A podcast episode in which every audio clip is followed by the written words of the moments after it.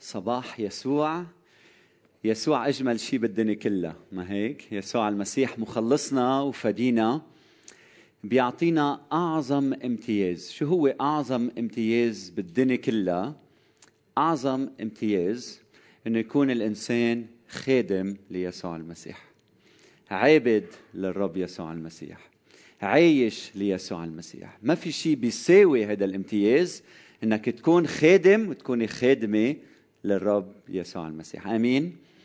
عم ندرس مع بعض قصة مؤثرة جدا وغنية جدا من تكوين الفصل 22 نحن اليوم بالجزء الثالث الأسبوع الجاي بنتهي من هذه القصة. وإذا ما سمعتوا للوعظة تبع الأسبوع الماضي واللي قبلها بشجعكم من خلال ال social media إنكم تسمعوا لهالعظات لأنه بتفيدكم. واليوم معكم كتابكم المقدس مش هيك؟ هالمرة رح تزبط معي. فرجوني كتبكم أوكي عظيم عم نتحسن شوي عم نتحسن شوي فنحن بهالقصة الحلوة هذه القصة بتبدأ بآية كتير مهمة بتقول إنه وحدث بعد هذه الأمور أن الله شو عمل؟ امتحن إبراهيم صرنا حافظينهم هاو ما هيك؟ الله امتحن إبراهيم طيب شو قال له لإبراهيم؟ قال له خذ ابنك وحيدك يلي بتحبه إسحاق واذهب به إلى أرض المورية وهونيك بدي اياك إنك تقدمه ذبيحة لإلي على أحد الجبال هناك. فشو عمل إبراهيم؟ تعرفوا؟ تتذكروا؟ بكر إبراهيم شد على حماره، أخذ اثنين من غلمانه واسحاق وقطع الحطب وراح بالاتجاه يلي الرب طلب منه وبعدين بيقلنا إنه باليوم الثالث اطلع شاف المكان اللي يلي رح يقدم فيه ابنه.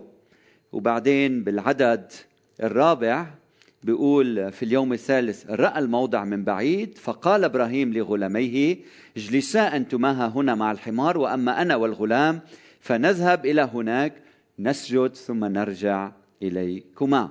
بعدين العدد الساد التاسع مهم جدا العدد التاسع بيقول فلما أتيا إلى الموضع الذي قال له الله بنى هناك إبراهيم المذبح رتب الحطب وربط إسحاق ابنه ووضعه على المذبح فوق الحطب. والأسبوع الماضي درسنا هذا النص وتعمقنا فيه صحيح؟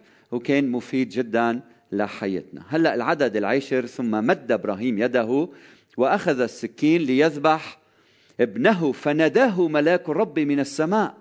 وقال إبراهيم إبراهيم فقال هانذا فقال لا تمد يدك إلى الغلام ولا تفعل به شيء لأني الآن علمت أنك خائف الله فلم تمسك ابنك وحيدك عني. فرفع إبراهيم عينيه ونظر وإذا كبش وراءه ممسكا في الغابة بقرنيه فذهب إبراهيم وأخذ الكبش وأصعده محرق عوضا عن ابنه. آمين. وهللويا. فتذكروا إنه بالدروس الماضيه للي ما كانوا أو اللي كانوا تذكروا إنه قلنا إنه بهالقصة هيدي في ثلاث دروس كثير قوية وأساسية، أول شيء الله يباركك ويمتحنك، هيدي واحد، بتتذكروا؟ رقم اثنين الله يطلب منك قولوا معي الطاعة. الله يطلب منا الطاعة. وانتبهوا الله ما بيطلب طاعة جزئية. الله لما بيطلب الطاعة بيطلب طاعة كاملة. من هيك العدد العاشر كتير مهم إنه نتأمل فيه. ليه؟ لأنه بيعلمنا بيعلمنا هيدا العدد يخبرنا عن استعداد إبراهيم إنه يطيع الله طاعة كاملة. هالشغف اللي عنده هو الأساس. لأنه إذا بتسألني اليوم مين منا بيطيع الله بالكامل؟ مين منا؟ مين منا؟ حدا منا؟ ما في إلا واحد هو الرب يسوع المسيح. لكن الفرق كل الفرق إنه يكون عندك شو؟ الاستعداد إنك تطيع الرب طاعه كاملة. هل عندك هالنار بقلبك؟ هالشغف بقلبك؟ يا رب بدي أطيعك وكل حياتي بكل شيء بتطلبه مني. هيدا الاستعداد هو المفتاح هو الأساس. فشخصيتنا بتتشكل مش بكمالنا باستعدادنا للطاعة الكاملة. صح؟ هون هون شخصيتنا بتتشكل العدد العاشر ثم مد إبراهيم يده وأخذ السكين ليذبح ابنه تمم فعل الطاعة نصف الطاعة ليست طاعة واضح؟ المسيح لما قالنا أعطانا وصيته الأخيرة شو كانت؟ اذهبوا تلمذوا جميع الأمم صح؟ عمدوهم باسم الآب والابن والروح القدس وشو في من بعدها؟ وعلموهم أن يحفظوا شو؟ جميع ما أوصيتكم به جميع ما أوصيتكم به. ربنا بده إيانا نطيع جميع ما أوصانا. نص الطاعة منا طاعة. إذا أنا بقول لابني ما تضرب خيك وبقى أنا بغيب ثلاثة أيام وبرجع على البيت بقول له ضربت خيك؟ بيقول لي أول نهار ونص ما ضربته. وآخر نهار ونص ضربته. هل هيدي طاعة؟ إذا بقول لبنتي عمرها عشر سنين أو ثمان سنين أو سبع سنين ما تشربي كوكا كولا في أنينة بالبراد ما تشربيها. بروح على شغلي برجع على البيت في نصها فبسألها شربتي كوكا كولا بتقلي لا شربت نصها بس ما شربتها كلها. هل هيدي طاعة؟ لا نص الطاعة منا طاعة نص الطاعة. تمرد وهون منشوف عند إبراهيم لما رفع السكين ليقدم ابنه. شفنا هالاستعداد الكامل للطاعة الكاملة. هلأ السؤال كلنا عم نسأله كيف في نطيع طاعة كاملة؟ كيف؟ مش هيك؟ كيف؟ رح أعلمكم أربع أمور على السريع. أول شغلة الطاعة الكاملة بتحتاج لتوبة مستمرة. كل ما تغلط تعال عند الرب بتوبة. كل ما تغلط ارجع لعند الرب بالتوبة. التوبة التوبة. إن شاء الله مئة مرة إن شاء الله ألف مرة إن شاء الله عشرة آلاف مرة. عندما تخطئ ارجع لعند الرب عند قدميه بالتوبة. التوبة الأساس التوبة بتشكل عندك هال حساسية تجاه الخطية ضد الخطية. بتصير تعرف حالك لما بتغلط دغري ارجع لعند الرب. أخ أخطر شيء ممكن تعمله إنه لما تخطئ تقول الله ما رح يقبلني بقى. اخطيت كذا مرة ما رح يقبلني فيما بعد. ما بستاهل إنه الله يرحمني. بدي أذكرك إنه أول مرة أخطأت أنت ما بتستاهل إنه الله يرحمك. لكن من نعمته رحمك وغفر لك خطاياك. فغفران الله مستمر بالنعمة للإنسان. فكل ما نغلط شو بنعمل؟ بنركض لعنده. آمين. بنركض لعنده. واحد اثنين. نمي عندك حب تجاه الرب. الحب بيعطيك الغلب. الحب بيعطيك إنك تطيع. بقول يسوع إن أحبني أحد شو؟ يحفظ كلامي يحبه أبي. إليه نأتي. عنده نصنع منزلا. إن أحبني أحد يحفظ كلامي. ما فيك تحفظ كلامه إذا ما في حب بحياتك أعشقه حبه تعرف عليه. لك وعاء أنت وياه. احكي أنت وياه. عيش أنت وياه. افهم له عقليته. قري كلمته. حبه. اعشقه للرب. هيدا السر يلي بيخليك تطيع بحياتك. ومن دون محبة ما في طاعة. كلها تمثيلية. كلها وصايا من الخارج. كلها شكل. الطاعة هي من القلب ولما بيكون في حب في طاعة. أمين؟ رقم ثلاثة اتكلي عليه اتكلي عليه اسمعوا لهالآية من فيليب 2 12 و 13 بقول تمموا خلاصكم بخوف ورعدة لأن الله هو يعمل فيكم ليجعلكم انتبهوا لكل لفظة ليجعلكم راغبين وقادرين على إرضائه. مين يلي بيجعلك قادر وراغب على إرضائه؟ مين؟ روحه اللي فيك. فاتكلي عليه ما تتكل على قوتك. ادعيه على حياتك. خليه يملأ قلبك. من دون يسوع فيك ما فيك تعيش يسوع بالعالم. ما فيك تعيش النور إذا النور منه فيك. نحن أبناء الظلمة. نختبر نور يسوع بتتغير حياتنا. نوره اللي فينا بينور بالعالم.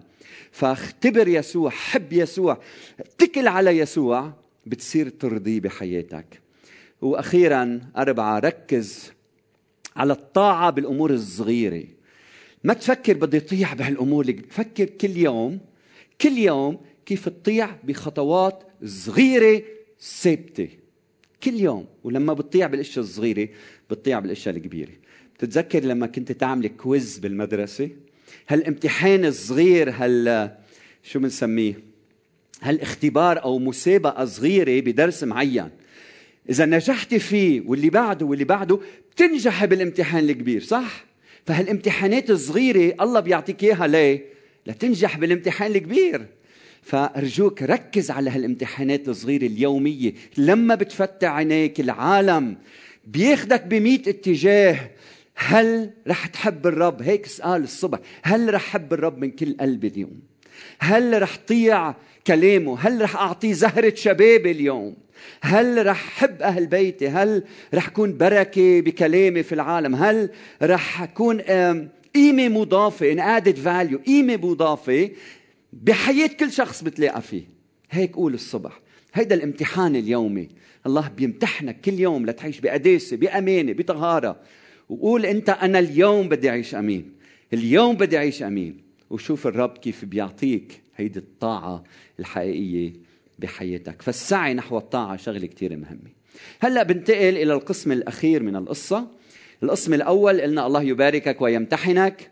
القسم الثاني الله يدعوك إلى الطاعة بده منك تطيع. والقسم الثالث الله يؤمن يرى له الفداء يرى له الأضحى.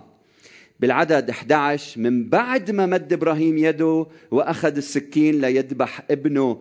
بقول الكتاب فناداه ملاك الرب. هلا مش الوهيم هيدا الرب هيدا إله العهد. ها هيدا الإله يلي بحب الإنسان. طبعا الوهيم أيضا. فناداه ملاك الرب من السماء وقال إبراهيم إبراهيم فيها استعجال فيها إلحاح. بخروج ثلاثة موسى موسى. صموئيل الأول ثلاثة صموئيل صموئيل. رب يسوع المسيح بأعمال تسعة شاول شاول لماذا تضطهدني؟ فيها إلحاح فيها صوت الله. فقال ها أنا ذا؟ فقال لا تمد يدك إلى الغلام ولا تفعل به شيئا لأني الآن علمت أنك خائف الله. بدي أسألكم أمتين تدخل الله؟ أمتين تدخل الله؟ باليوم الأخير؟ بالشهر الأخير؟ بالساعة الأخيرة؟ بالدقيقة الأخيرة؟ ولك باللحظة المناسبة الأخيرة بهيدي اللحظة عم يرفع إيده بده ينزل السكين هون تدخل الله. فربنا مش مستعجل. أيام بدنا إياه يتدخل بسرعة بكير. الله مش مستعجل. نحن بنبقى مستعجلين لكن هو بيعرف المكان والزمان والوقت. بيعرف كيف يجي لعنا في الهزيع الرابع. وفقط في الهزيع الرابع بنشوفه ماشي على الماء إذا عندك الاستعداد للانتظار. فلما بيطلب منا شيء ربنا بيعلمنا إنه ننتظر أخوتي. لازم لما تصلي وتقول له يا رب بدي شغلة يصير عندك هالعطية هالموهبة الانتظار. إبراهيم كان عنده هالأمل والرجاء لكن استمر واستمر وانتظر انتظر. وصل لآخر لحظة عم يرفع السكين يا رب وينك؟ رح ينزل السكين وبهاللحظة حكي معه ربنا. فهالانتظار لما نطلب من ربنا شغلة مهمة علامة نضوج. بتتذكر لما كنا أولاد كنا نطلع عند الجيران ندق على الباب ونهرب. فيجوا الجيران يفتحوا الباب ما في حدا. ليه؟ لأنه هربنا ونزلنا. لما مندق على الباب لازم ننتظر إذا بدنا الجواب إذا بدنا نسمع. لما ربنا بده يبعث لك هدية إذا بده يبعثها بالدي اتش ال وهي ظرف صغير بيقدر يبعثها مع واحد على الموتو على الموبيلات بتوصل بسرعة. لكن إذا بده يبعث لك عفش بده شاحنة صح؟ ومين أسرع الشاحنة ولا الموتو؟ الموتو. فالشاحنة بتاخذ وقت لتوصل. فإذا ربنا بعد ما استجاب لهالصلاة طول بالك الشاحنة عم تكبر على الطريق جاية. البركة جاية على الطريق. لكن أنت شو المطلوب منك؟ تكون أمين ومطيع لربنا. من الأشياء يلي أنا اختبرتها بحياتي ويمكن أنت اختبرت مثلها. كان عمري 17 سنة ونص أعطيت حياتي ليسوع. ولما أعطيت حياتي ليسوع قلت يا رب ما بدي أدخل بعلاقة غير مقدسة مع أي شخص. بدي بس أتعرف على هيدي البنت يلي بدي أحبها وكون زوج لها أمين وصادق وعيش معها كل العمر. صليت لعيلة مقدسة لكن الرب ما استجاب. ما استجاب أول شهر ولا أول سنة.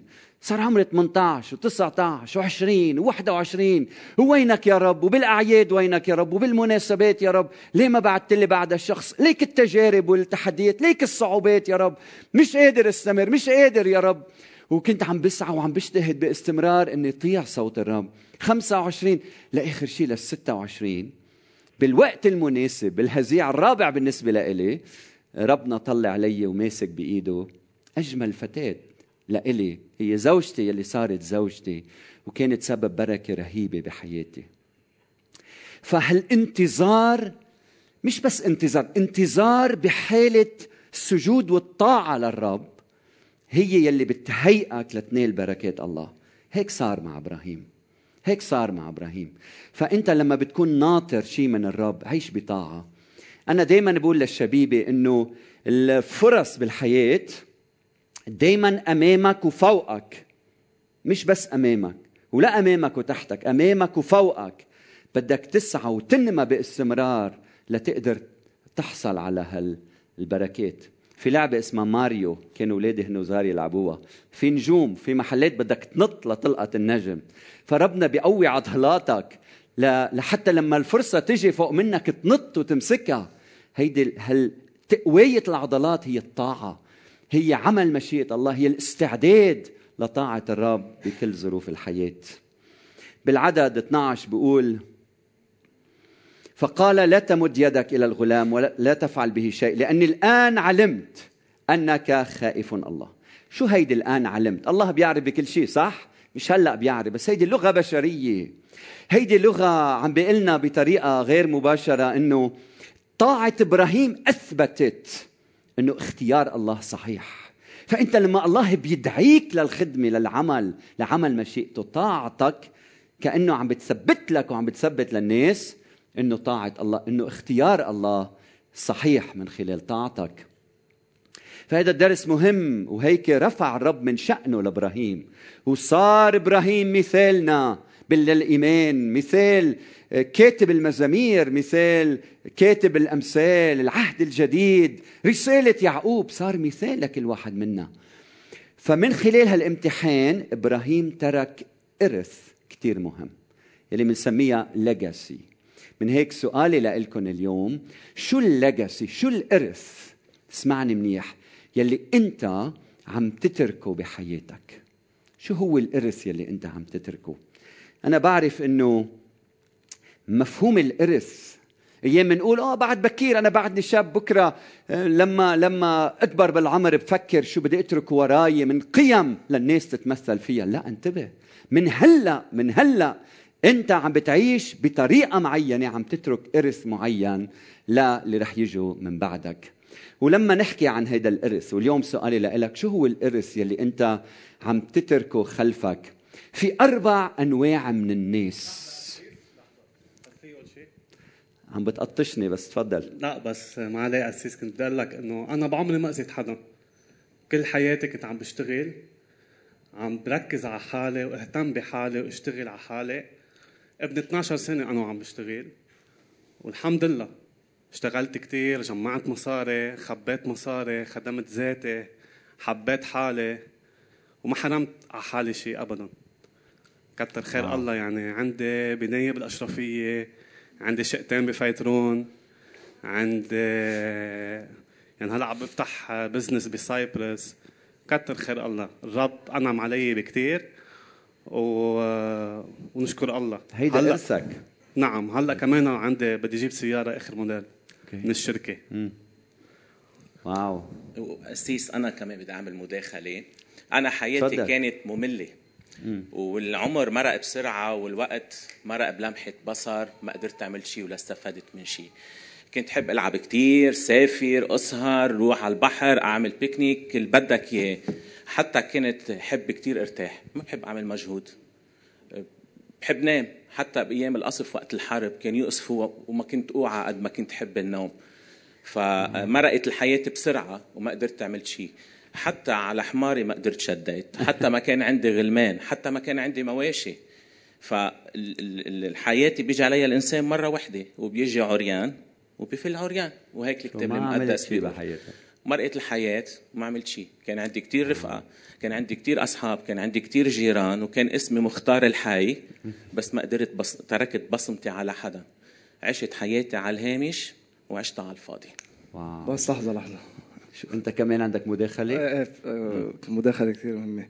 آه، أنا أكثر واحد تعبت بالحياة صراحة. آه، استعملت ذكائي okay واستعملت كل شيء عندي تحرض الناس على بعضها. آه، استغليت عالم كتير. استغليت عالم كتير وكل شيء طلعته مصاري وكتير طلعت مصاري أكيد. كله بطرق مش شرعية. فولا شيء شرعي كان معي ولا شيء كان جمالي وحكمتي خلوني استغل العالم وحط كرامتهم بالأرض.